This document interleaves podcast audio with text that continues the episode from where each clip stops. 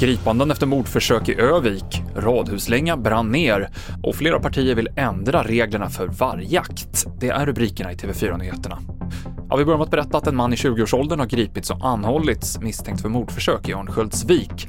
Det var två män som blev knivskurna tidigt på fredagskvällen. De fick allvarliga men inte livshotande skador. Det finns ytterligare en misstänkt person som inte är gripen än, skriver polisen på sin sajt. En hel radhuslänga har totalskadats i en brand utanför Söderhamn nu på morgonen.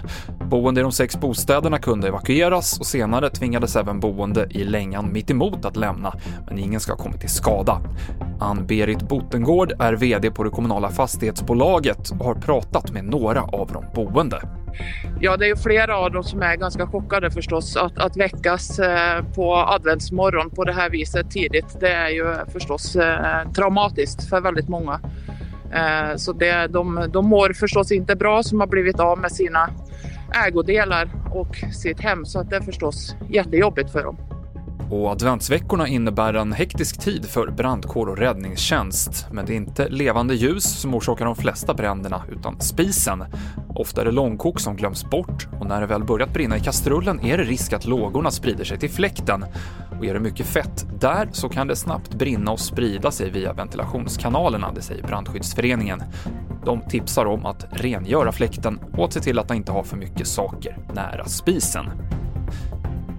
Allt fler riksdagspartier vill att reglerna för skyddsjakt av varg ses över.